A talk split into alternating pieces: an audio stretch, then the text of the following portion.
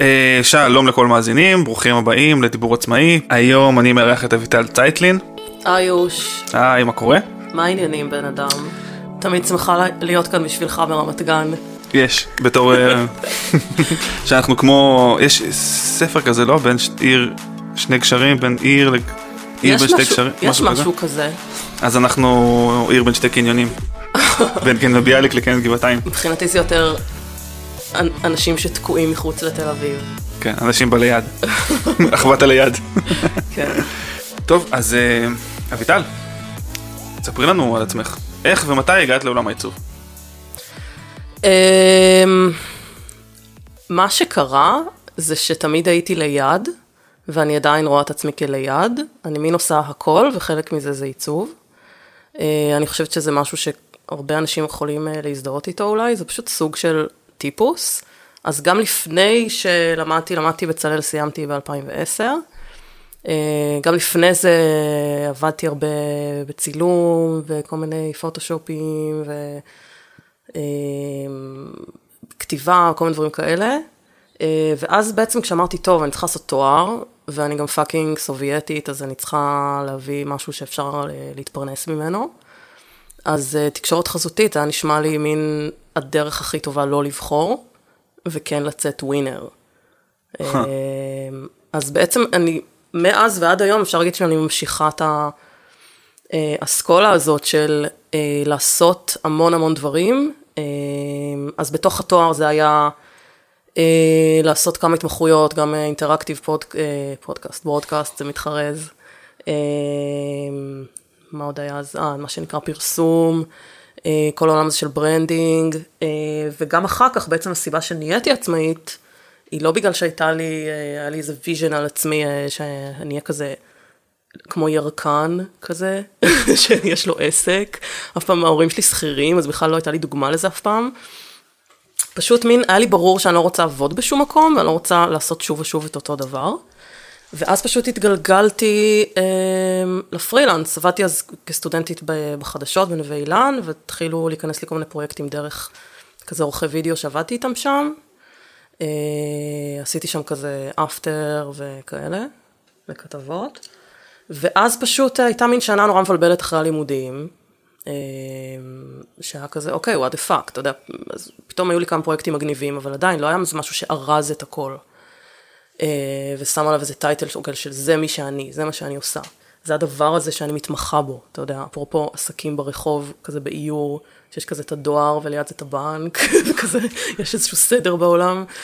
אז אה, מה שקרה זה שבעצם בערך שנה אחרי הלימודים אה, אמרתי, טוב, אני כבר מספיק זמן בבית, עושה פרילנס ודווקא הרווחתי סבבה והכל, אבל הייתי די מדופרסת, כי לא הרגשתי, גם היה לי חסר את ה vibe הזה של הצוות ולהריץ כיפים, וזה משהו שמאוד אה, מרכזי בחיים שלי, כאנרגיה. אה, ואז בעצם אה, הגיעה איזושהי עמותה אה, שעשתה כזה תוכניות למעצבים, לכל מיני סדנאות של אה, איך להקים עסק ויועצים ובלאגנים. אה, ואז בעצם ככה יצאתי מהבית. אה, היה מקום שנקרא טרמינל עיצוב בבת ים אז, אה, והיינו כזה מחזור ראשון, שאיכשהו תמיד אני מתגלגלת לכל מיני הקמות של דברים, אז זה היה עוד אחד מכאלה.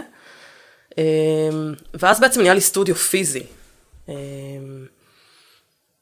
לקחתי גם אה, עובד בחצי משרה, כי היה לי ממש עומס. מה זאת אומרת נהיה לך סטודיו פיזי? סטודיו פיזי, זאת אומרת היה מקום פיזי, אה, לא, אני מבין מה זה. סטודיו פיזי, מה זה כאילו סטודיו ומה זה פיזי, אבל זה פשוט קרה, הם נתנו לך, העמותה אמרו לך, קחי, לא, תשבי. זו תוכנית שאתה משלם אה, איזשהו סכום אה, מסובסד, איזה 700 שקל בחודש, משהו כזה, ואתה מקבל חלל פיזי, שזה היה בהאנגר כזה ליד קסטרו בבת ים, אה, ועם עוד, אה, עוד איזה 12 מעצבים, כל אחד מתחום אחר, ואתה נותן איזה שהם שעות לקהילה, ויש שם איזה מין, אה, אתה יודע, יחסי give and take כאלה.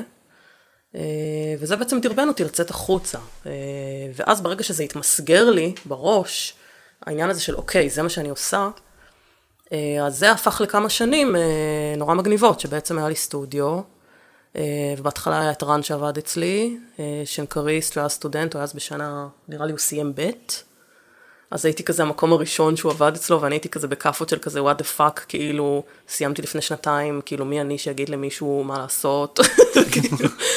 אבל היה, הייתה אנרגיה ממש מגניבה, אה, הגיעו, היו כל מיני לקוחות, עשיתי גם מיתוג ו, ואתרים, בניתי פעם ראשונה, אתה יודע, כאילו התחלתי לעבוד עם אה, מפתחים. היה את אה, רועי מילגלטר שעבד איתי על הפרויקט גמר, אז הוא המשיך איתי לעשות איתי אתרים לכל מי שעשיתי לו מיתוג, ובמקביל האהבה שלי לוידאו ו motion graphics וכל העולם הזה של, של ה timeline, המשכתי איתו ועשינו סרטונים לכל מיני דברים, ביחד עם מי שהיה בן זוג שלי אז, אריק שהיה אפטריסט, כאילו עדיין הוא חי. אמ, זהו, ואז, עכשיו התוכנית הזאת הייתה של שנה, ואז שנגמרה השנה זה היה כזה, טוב, מה, לחזור הביתה עכשיו? No fucking way, כאילו.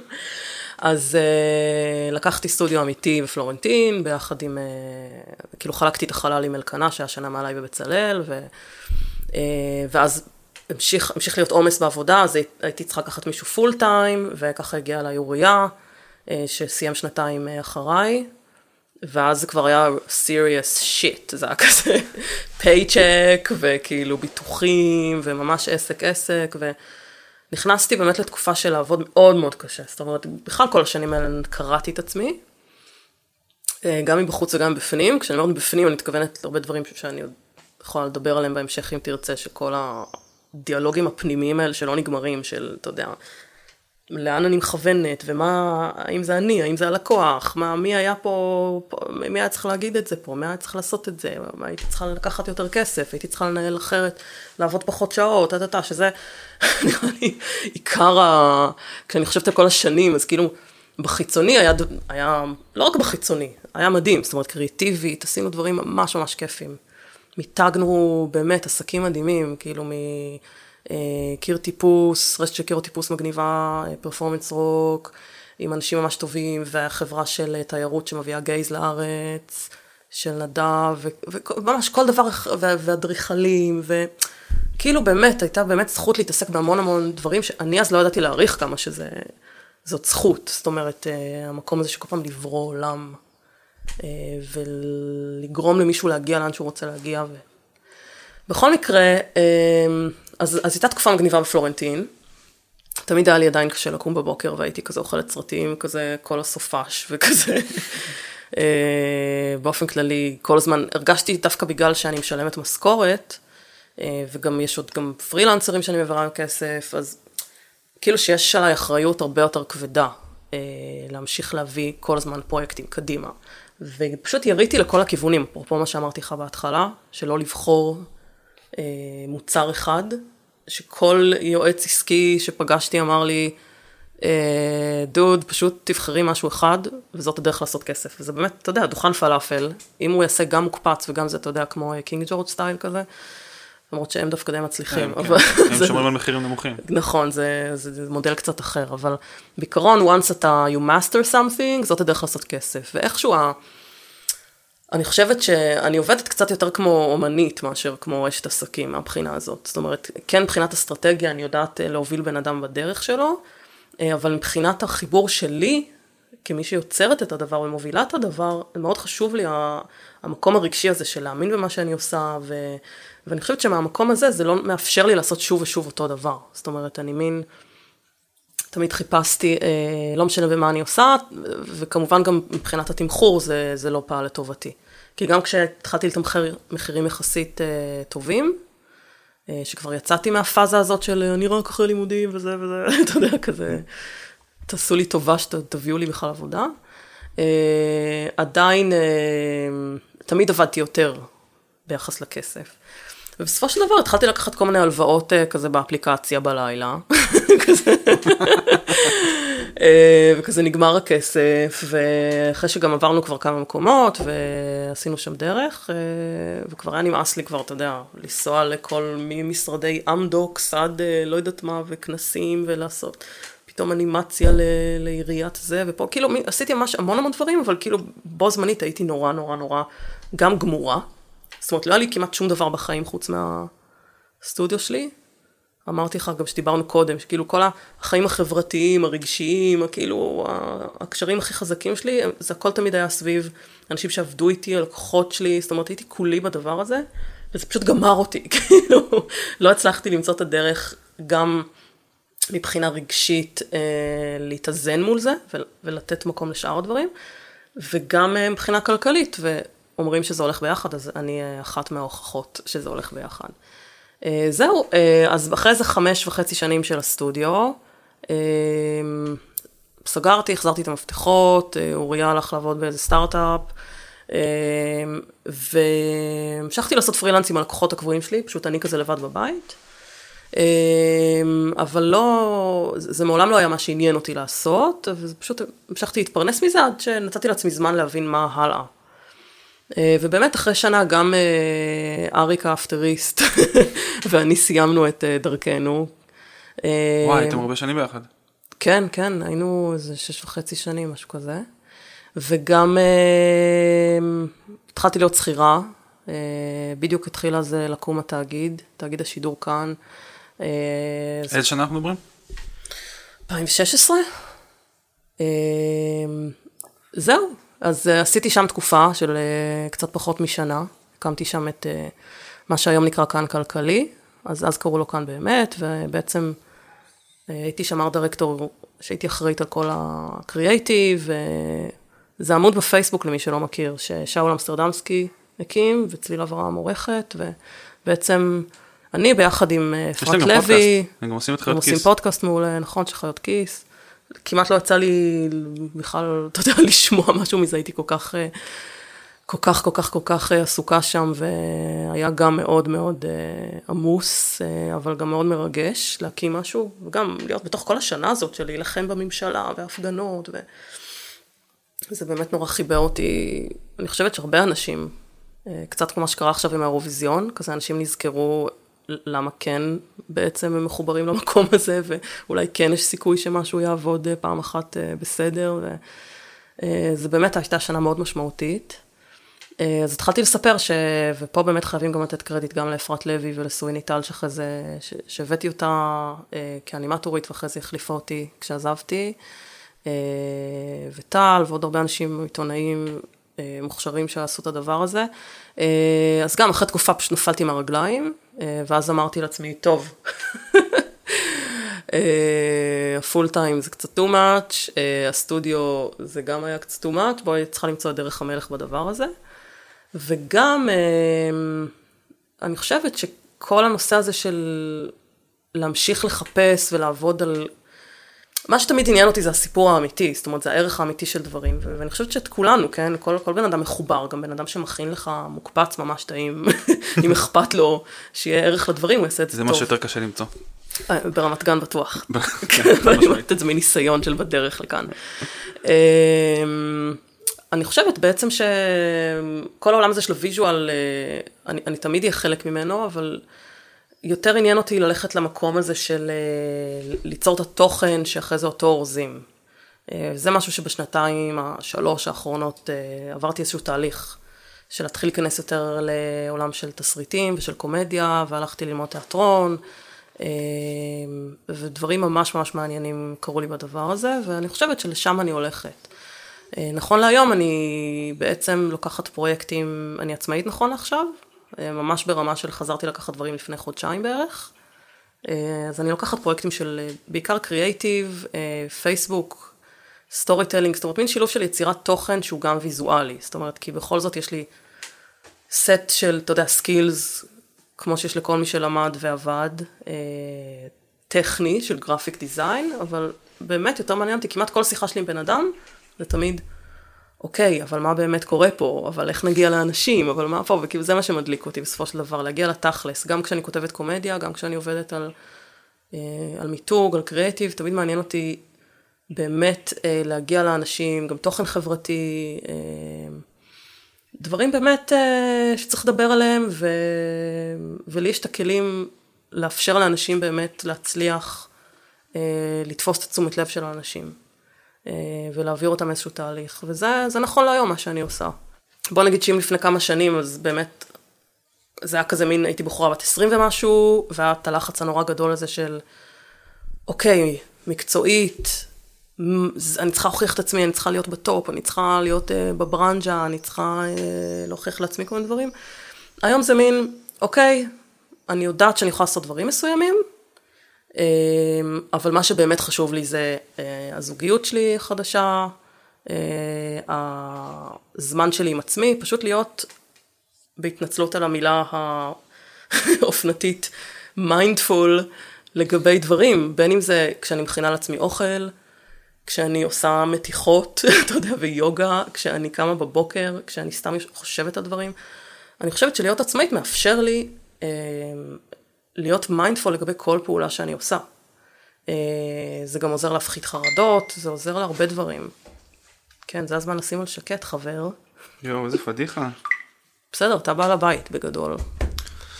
בסדר, אחר כך אני אשלם לזה, לאיש סאונד שיתקן את זה בפוסט. למה? זה אני, זה זה חלק. מהמציאות, אתה תשלם לעצמך. כן, מצחיק. כן, ככה זה. תקן את זה בפוסט. רגע, ספרי לי עוד על המיינדפולנס הזה. אני חושבת שעצמאי זה מה שנקרא, נכון? כי אני בתור עצמי מרגיש לא mindful בכלל. אז, אז רציתי להגיד שנכון ביוגה, אה, למי מי שעושה יוגה, אני לא יודעת אם יוצא לך, יש את כל התנוחות האלה שאתה צריך אה, לשמור על שיווי משקל מסוים, אתה יודע שכזה עומדים על רגל אחת וכזה. אני- אוכל השמש. אני לא כל כך מכירה את השמות שלהם, אני כזה פשוט מסתכלת על המורה ועושה מה שהיא עושה. אמ, אז אני מאלה שתמיד כזה עומדות ליד הקיר, כדי שיהיה לי כזה יד אה, ברגע שאני אפול. אבל היא תמיד אומרת, אה, זאת תנוחה שהיא לא, לא פיזית, זאת תנוחה של תודעה. זאת אומרת, מי שהתודעה שלו שקטה, אין פה איזה קטע של, אתה יודע, איזה פיתוח יכולת מדהימה של שיווי משקל.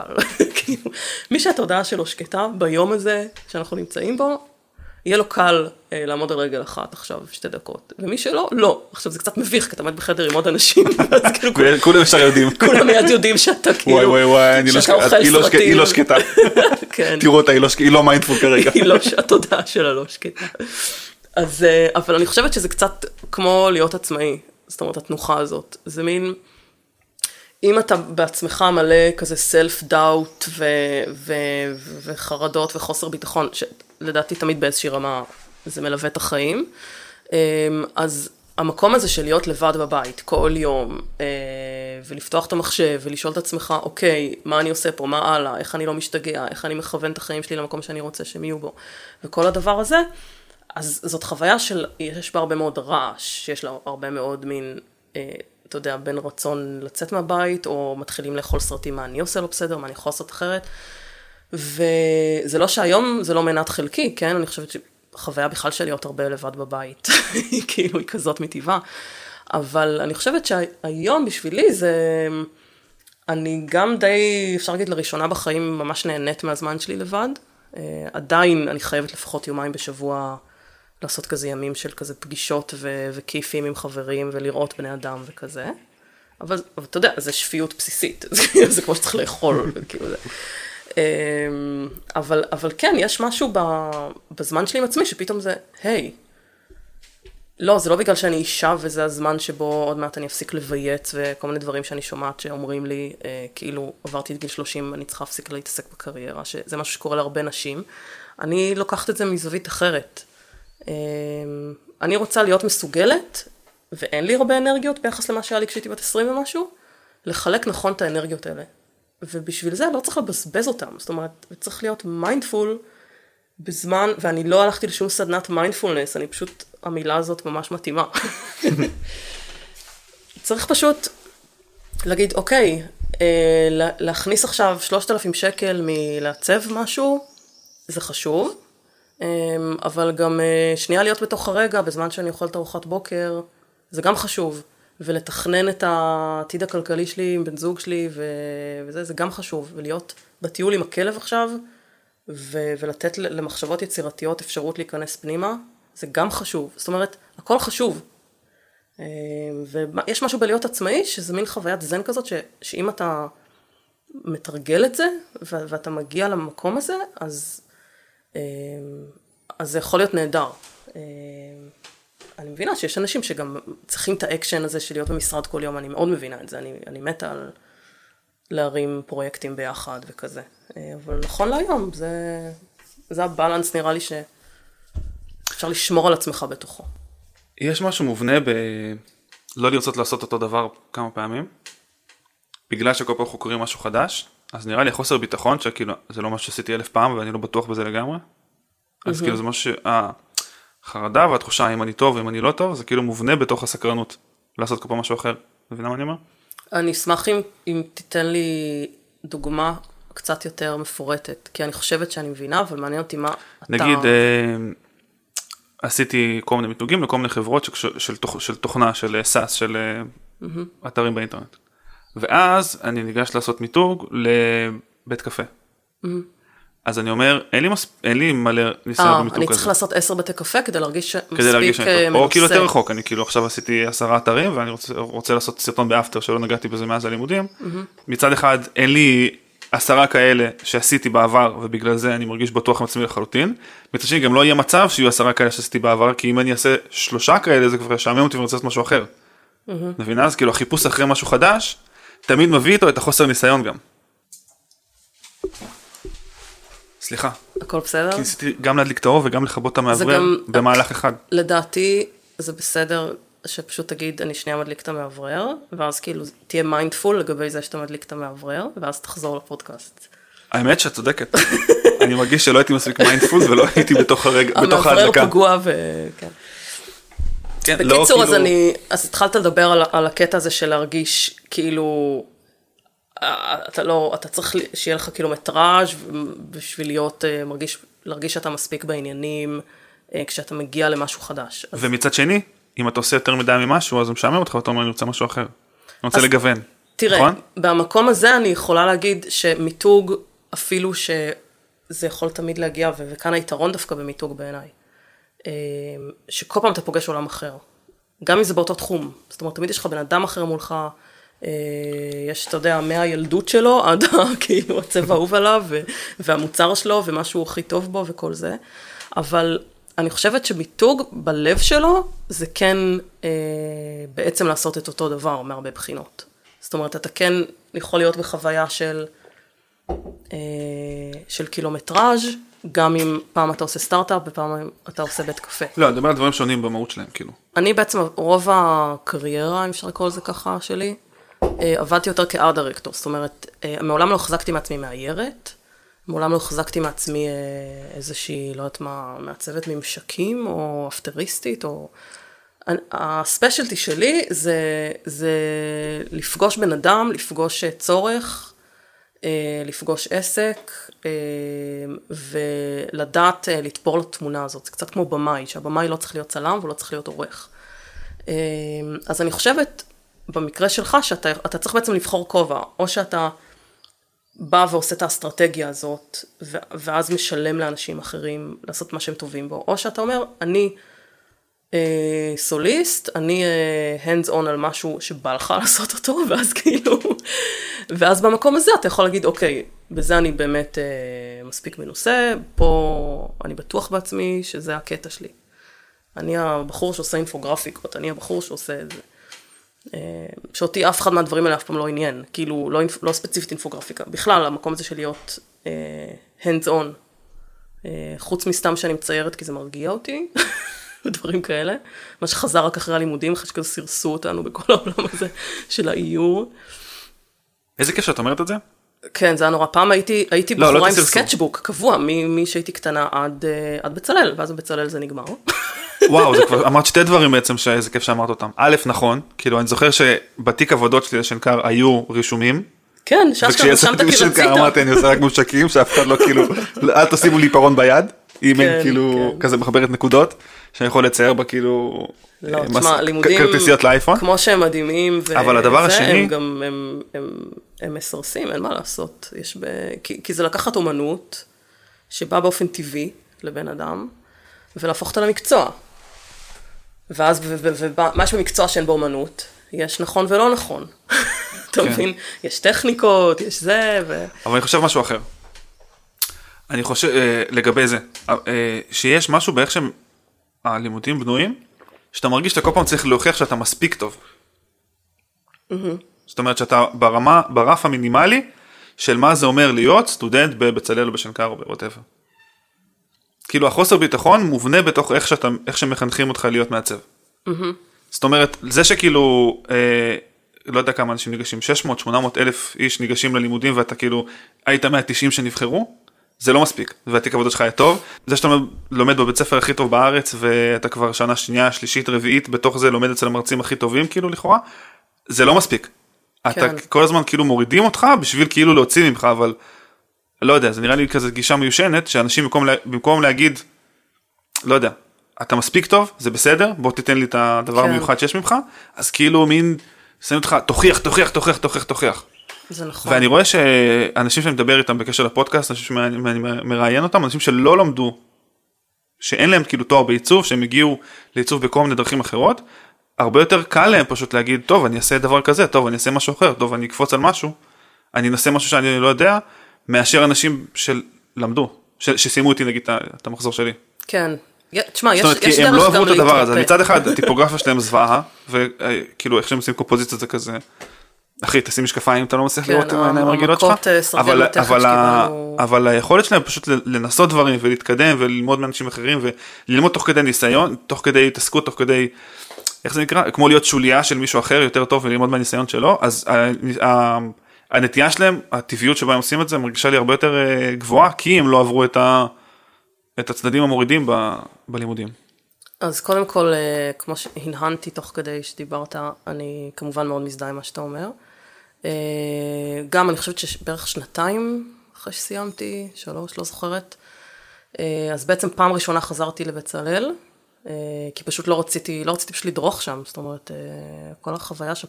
תשמע, אי אפשר לסכם את הלימודים, זאת אומרת, לי, היו לי מרצים מדהימים, אנשים ש, שלמדו איתי, שזה זה המקצוע שלי, זה, זה, זה העולם תוכן שאני חיה בו. הלימודים האלה הם, אני לחלוטין ממליצה לכל מי שרוצה לעשות תואר בעולם החדש, מה שנקרא, אם בכלל צריך תארים היום. אה, תואר בתקשורת חזותית זה דפנטלי, זה לא משהו שאני מתחרטת עליו, וזה תואר שהוא סופר רלוונטי ומגוון. Having said that, השיטה של בצלאל, שנקר, של החברה הישראלית, יגיד לך גם כל מי שחזר מחילופים, בטח אה, תמיד יש את הסיפורים המרגיעים האלה, כל מי שפגש את ג'ולי אנדרוז, ואז הוא כזה אומר, כן, הם עושים פרויקט אחד בסמסטר, ואתה כזה, כי זה הכל רגוע וזה. say what? אבל הם גם אומרים שהם ברמה יותר נמוכה מאיתנו. כן, גם את זה אומרים. נכון, עכשיו, תשמע, אין מה לעשות, אה, כשמרביצים לך זה הופך אותך להיות uh, תחרותי, ואולי גם להקפיד יותר על כל מיני skills כאלה ואחרים. Uh, וזה נכון, אני גם כשחיפשתי עובדים, בהתחלה באתי בגישה מאוד כזאת היפית, שכאילו זה לא משנה איפה למדת, בואו, בואו, היה לי איזה פנטזיה שאני לוקחת מין כזאת אה, אם חד-הורית בת 60.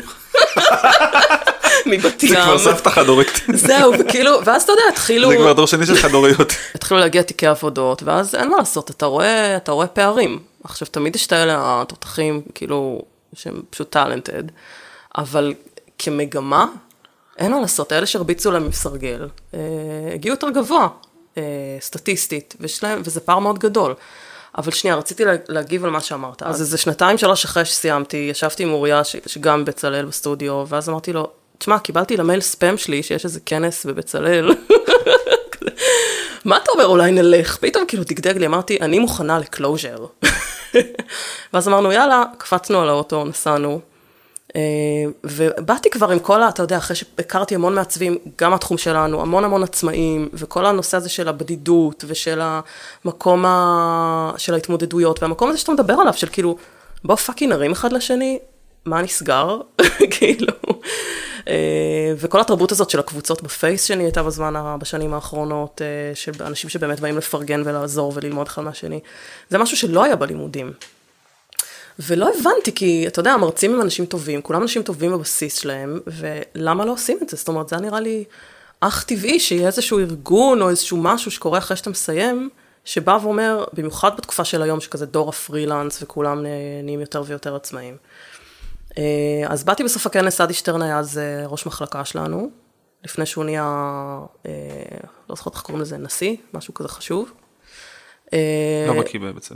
לא, לא משנה, והוא היה כאילו אינצ'ארג', אמרתי לו, בן אדם, בוא נרים פה, בוא נרים פה איזה אירוע של עצמאים, בוא נחבר בין אנשים, כאילו כולם נמצאים באותה סירה. מה, מה, כאילו אתה זה כל כך אה, חרדים להייפ המיליטריסטי הזה, שכאילו אסור שנייה לבוא ו- ולבוא בטוב, כאילו, מה קרה? ואז הוא אמר, יאללה, תארגני, ואני באתי באנרגיות, אמרתי, סבבה, אני מוכנה לעשות פה אקט התנדבותי אה, חסר תקדים, כי באמת זה ישב על כל התחושות הנכונות. והרמנו, והיה אירוע נורא מגניב, אה, שקראנו לו בוגרים בעם, ובאו מלא חבר'ה, ארגנו כזה הסעה לירושלים, ובאו, שזה די סרט להביא אנשים לירושלים, אחרי שהם מסיימים ללמוד וכזה שוכחים שהעיר המגניבה הזאת קיימת. והאמת הייתה, הייתה אנרגיה מדהימה, זה היה בשבילי ה closure הכי טוב שיכול להיות, כי זה בעצם לדבר תכלס. אתה יודע, בלי כל ה vibe התחרותי הזה של הפרויקט גמר, והפה, ומי עשה מה, ומי אוהב את מי. היה פשוט ערב מדהים, כי אני חושבת שלהרבה אנשים יש את הצורך הזה שאתה מדבר עליו, אנשים שסיימו, של ה-togetherness הזה, של הכאילו, היי חבר, אתה יודע, וגם עשינו קמפיין נורא מגניב, שבעצם עשינו מין כאלה טמפלייטים ריקים, כמו, כמו דפים שאמורים למלא אותם בצביעה, עם כל מיני כאלה סיסמאות כזה, כמו אה, מעצב, אה, לא, איך זה הולך, אדם לאדם זאב, אז כזה מעצב למעצב זאב, לא זוכרת, או כזה פרעות תקש"ח, או כל מיני, כאילו, היה שם הרבה אלימות שהייתה צריכה לצאת, היה צריך לפרוק שם איזשהו משהו. אה, קרדיט לאוריה, הוא קופי מבריק. אה, זהו, אז אני, אז כאילו, אני, אני זוכרת שהייתי מאוד טעונה בדיוק ברגשות האלה, שאתה עכשיו בתוכם, והדבר היחיד שיש לי להגיד, אה, אנחנו באותו גיל, אבל כאילו, יש לנו פער בשנה שבה יצאנו מהמערכת של האקדמית, וזה מסתדר וזה מתרפא, ו, ודברים, זאת אומרת, זה לא, זה לא לנצח, יש אפקט של איזה שלוש שנים לדעתי, בממוצע. אה, זה תלוי כמה אתה רגיש. אני חושבת שזה גם נורא עניין של תקופה, אנחנו בתקופה נהדרת עכשיו אה, של סושיאל מדיה ברמת כאילו אמפתיה, ואנשים מדבר איתם, והפודקאסט הזה שאתה עושה, זאת אומרת, זה הכל חלק מהמובמנט הזה של אה, לבד ביחד. אז, אז התקופה טובה לס, להיות מצולק אחרי תואר הבא.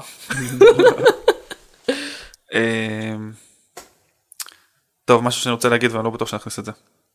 הפרויקט גמר שלי היה תחושה של כמעט כישלון. אה, הרגשתי ממש טוב לגביו. עשיתי בעצם מחקר של למה הפסיקו להשתמש בקליגרפיה בארץ. מעניין. ובשנים האחרונות, כזה בנגיד חמש שנים האחרונות, חזרו. Mm-hmm. והגעתי למסקנות מאוד מאוד מקומיות, מאוד מאוד ישראליות. שלוש סיבות שהן נורא מקומיות. כאילו מחקר שהוא לגמרי על ישראל. אבל, אבל מה ישראלי בזה? זה לא פשוט עניין טכני של כזה המצאה של מכונות ודברים? לא, אבל נגיד לוגוים קליגרפיים, ללמד קליגרפיה באקדמיה. אוקיי. Okay. אה, שזה יהיה חלק מ... כאילו שמתעסקים בכתב, עושים טיפוגרפיה, אז זה לא רק פונטים, mm-hmm. זה גם כאילו כזה. וזה היה כאילו, היה עד שנות ה-60, 65 כזה. Mm-hmm. ואז חקרתי את הסיבות של למה זה נפסק. והסיבה הראשונה שנראית הכי ברורה זה כי התחילו עם מחשבים, נכון? Mm-hmm. אז לא, המחשבים הגיעו באייטיז, כאילו 20 שנה אחרי. ואז עשיתי מחקר וראיינתי את עודד עזר ואת... Uh, אה, ירונימוס ואת אה, מאיר סדן. Mm-hmm. ודיברתי עם אנשים כזה על קליגרפיה והבאתי איזשהו קליגרף צרפתי שעושה אותיות בעברית כזה וצילמתי אותו ועשיתי כזה סרט ממש אה, מרשים. לא יודע אם מרשים כזה כאילו שהוא גם הוא גם מקיף וגם מסביר וגם כאילו כזה חמש דקות של תפוס את זה להבין את זה. מגניב אוקיי אז בוא נראה למה זה חזר פה אני רוצה לראות את פרק ב'. ואז בביקורת ישבו כל מיני אנשים אבל מה היה התוצר שעשית עם המחקר הזה? סרט. 아. כמו סרט דוקו כזה קצר. אה, קול. של איזה חמש דקות. אוקיי. חמ... לא, איזה חמש דקות? חמש דקות ו-29 שניות, אני יודע בדיוק, אני זוכר בדיוק כמו המוח שלו. אה, ואז בביקורת אמרו כזה, תשמע, זה לא מדהים מהבחינה עיצובית, זה לא מדהים מבחינה דוק, דוקומנטרית, זה לא מדהים מבחינה קולנועית, לא יודעים איך מה להגיד לך על זה, זה זה זה. ואז נדבר עם המורה לטיפוגרפיה שהייתה לי, דיברתי ממש לפני כמה זמן, ואומרת כן, היא מראה את זה לסטודנטים, סרט מהמם. מבינה איזה עוול? כאילו מצד אחד אתה מקבל כאילו כזאת ביקורת נוראית וחודש אחרי זה זה נכנס כאילו לתוכנית, לתוכנית לימודים כאילו במרכאות. אני חושבת שהרבה אנשים uh, קראו להם דברים דומים. לגבי העולם, העולם של הפרויקט גמר צריך לזכור שני דברים קודם כל זה שואו. Okay. כן. Uh, הרבה יותר מאשר שזה פרויקט, זאת אומרת יש שם איזשהו מין מעמד uh, ואני כמובן, needless to say, שבעיניי צריך לבטל את הדבר הזה, ופשוט לבחור yeah. כמה פרויקטים טובים, ולעשות תערוכה כיפית, וכאילו לפרגן וללכת הביתה. Yeah. אבל uh, יש שם איזשהו מעמד של אנשים, שכל אחד מהם הוא פרסונה, כל אחד מהם צריך לתת, אני גם בשנים שאחרי שסיימתי, באתי להיות uh, בפאנלים של uh, קורסים, של סיום מיתוג, ודברים כאלה. Mm-hmm. אז אני, וגם גם לי יצא ללמד, אמנם לא בבית ספר לעיצוב, אלא בבינתחומי, וגם אני הייתי צריכה לארגן בעצמי. כאילו פאנלים כאלה, אז אני מבינה שיש לזה חיים של עצמו לפאנל. אה, זה קצת, אה, זה כמו ריאליטי, זאת אומרת, יש שם איזשהו אקט לא, אבל זה פאנל של פרויקט גמר, זה כאילו מביאים מרצים, ו... נכון, יש שם איזשהו אקט. מכובדים מה... נכון. תעשייה. בדיוק, זה... יש שם איזשהו אקט אה, תיאטרלי שהם צריכים בתוך יום, עם רצף של דברים שהם רואים, לבוא ושכל אחד יבוא וייתן את ה... ה-say שלו, ולא לוקחים בחשבון את זה שעומד פה בן אדם ש... שהדבר הזה כרגע מייצג את עצמו, ואת כל ה fucking ערך של מה שהוא עבד עליו. גם כאילו, עוד בהקשר של מיינדפולנס, כאילו לנתק. במהלך הלימודים לא עושים ניתוק בין כאילו, זה מי שאתה, זה מה שעשית. נכון, אם קיבלת פה ציון נמוך, זה לא אומר שאתה ציון נמוך. נכון. זאת אומרת שעשית עבודה שהיא פחות טובה עכשיו- מציון גבוה. חוץ מזה, אני גם חושבת שכדאי להגיד בהקשר הזה, של מה שאתה סיפרת, שיש משהו בעולם של תקשורת חזותית, שמצד אחד אה, זה הכי כאילו brains, אתה יודע, זה הכי לבוא, להביא קריאיטיב, רעיון, אסטרטגיה, אה, לתת בראש, אבל בסופו של דבר, אה, מה שרואים בשנייה הראשונה, וזה נכון לכל פרזנטציה, גם כעצמאי או במשרד או לא משנה איפה, זה בסופו של דבר מה שייקח. זאת אומרת, אה, והרבה פעמים המקומות של האיור, של העיצוב המאוד מאוד fine, של האנשים שיש להם את היכולת אה, לתת גימורים נורא מגניבים, אה, או להיות באיזשהו הייפ מסוים, או להיות מאוד טרנדיים, או לדעת לעשות את הדברים בצורה טובה. אה, אני חושבת שלהם יש כוח הרבה יותר גדול מבחינת אה, אפקט פרזנטטיבי. אה, ואנשים שמתעסקים יותר ב... בלהחזיק את כל החוטים מלמעלה, אה, כארט דירקטורים, זה אנשים שצריכים בעצם, בשביל להביא פרויקט טוב, צריך להביא את כל האנשים, כאילו צריך לדעת להנדס את הדבר הזה נכון, כי אחרת אם אתה נמדד על היכולות שלך, אם עשית סרט כעורך וידאו, זה יכול להיות שאתה לא עורך וידאו הכי טוב בעולם, אבל זה גם לא מה שבאת לעשות כאן מלכתחילה. אה, אז אני חושבת שזה גם טריקי, וצריך לקחת גם את זה כ... אתה יודע, צריך להבין את זה, אה, בעולם הזה של הפרזנטציות. כן. ומצד שני יש גם מאיירים שהם מאיירים מדהימים, ואז עשו כזה פרויקט נייר קטן, קטן, קטן, אתה יודע. העולם הזה של הפרזנטציה הוא, עולם, הוא יכולת בפני עצמה. כן. אמ, אני את הפרויקט שלי עשיתי, לא, הרעיון היה לי מההתחלה, אבל תכלס אה, הבאתי, הורדתי אותו לביצוע לא כזה הרבה זמן לפני ההגשה. אמ, ובסופו של דבר היה, היה סבבה, הייתה פרזנטציה בת זונה, אה, כי, כי הגעתי, הגעתי להבנה שהשואו, אתה מבין מה אני מתכוונת? כאילו, השואו יותר חשוב מהדבר עצמו? כן, עכשיו זה לא שהדבר עצמו אצלי לא היה טוב, אבל... ועברתי שם באמת איסורים, התחלתי אז גם עם התרופות, זו הייתה תקופה מאוד uh, מכוננת בבריאות הנפש של, uh, שלי, uh, ואני לא מציעה לאף אחד לעבור אותה. בטח לא אנשים רגישים שגם באופן טבעי הולכים ללמוד עיצוב, וזה בכלל קהל שלא לא צריך להתעסק איתו, אז אני לא מבינה כאילו למה דווקא אותנו שמים במקום הזה. אבל... Uh, אין מה לעשות, זה... בוא נגיד שזה life lesson, אני חושבת שמספיק ללמוד אותו בכאפות הראשונות של שנה א'. לא צריך לעבור את זה אחרי זה, ולשים את כל הפאקינג זהות שלך בתוך איזה שואו ענק, ש... בסדר, אני גם לא מכירה הרבה אנשים, אני מכירה אולי ממי שלמד איתי, אולי איזה בן אדם אחד או שניים או שלושה, שבאמת עבדו כל התקופה על הפרויקט גמר. כאילו, הרוב המכריע של האנשים פשוט נכנס לחרדה, ועושה אותו כמה שבועות לפני. כן. אז מה, מה עשינו, כן. וואו, רצינו בכלל לדבר על משהו אחר בהתחלה, את זוכרת? בסדר, אבל צריך להתחיל ממשהו. כן. בואי. נעשה שאלה אחרונה. אם את, ממרום הניסיון שלך, איך כן. אני אוהבת שאתה מרים לי למרום נווה. כן. אה, מהניסיון שלך, כן? אם היית יכולה להגיד משהו לעצמך של כשהתחלת, what would that be? ג'יזוס. אמ, אני חושבת שהייתי אומרת לעצמי, ברגע שמתחילות לך בראש המחשבות אה, שאומרות שמשהו בהתנהלות שלך לא בסדר, אה, אז באותו רגע פשוט תביני שהן בגדול מבזבזות לך את הזמן. אה, תשמרי את המשאבים האנרגטיים שלך אה, לדברים אחרים, ו... ותתייחסי יותר לדברים כפי שהם. זאת אומרת, את אוהבת להיות בחוץ בדשא מתחת לעצים, תהיי בחוץ בדשא מתחת לעצים, כאילו, וואלה. לא, לא, אני הייתי אז בתקופה הזאת באמת במקום שכל הזמן אה, להאשים את עצמי ו- ו- ולחפש אה, ולהשוות את עצמי אה, לאנשים אחרים. אה,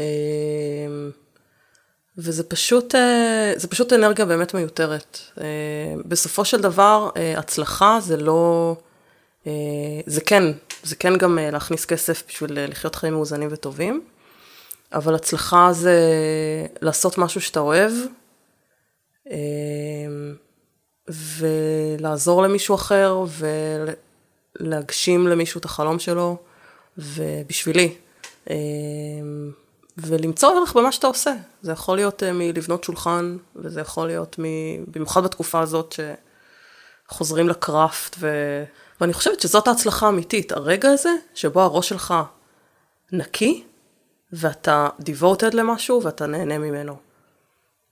אה, וזה מה שהייתי אומרת לעצמי, שלפני שמונה שנים, אה, וזהו, הכיף הוא ב... ביום יום וברגעים ובעשייה ו... ובשיחה טובה עם מישהו. אני מצטערת חברים, אבל אין שום דבר מעבר לזה. ו... ואפשר לפגוש את זה בהרבה מקומות, אבל, אה, אבל, אבל זה שם. אה, אז פשוט live the day. and have fun and meet people.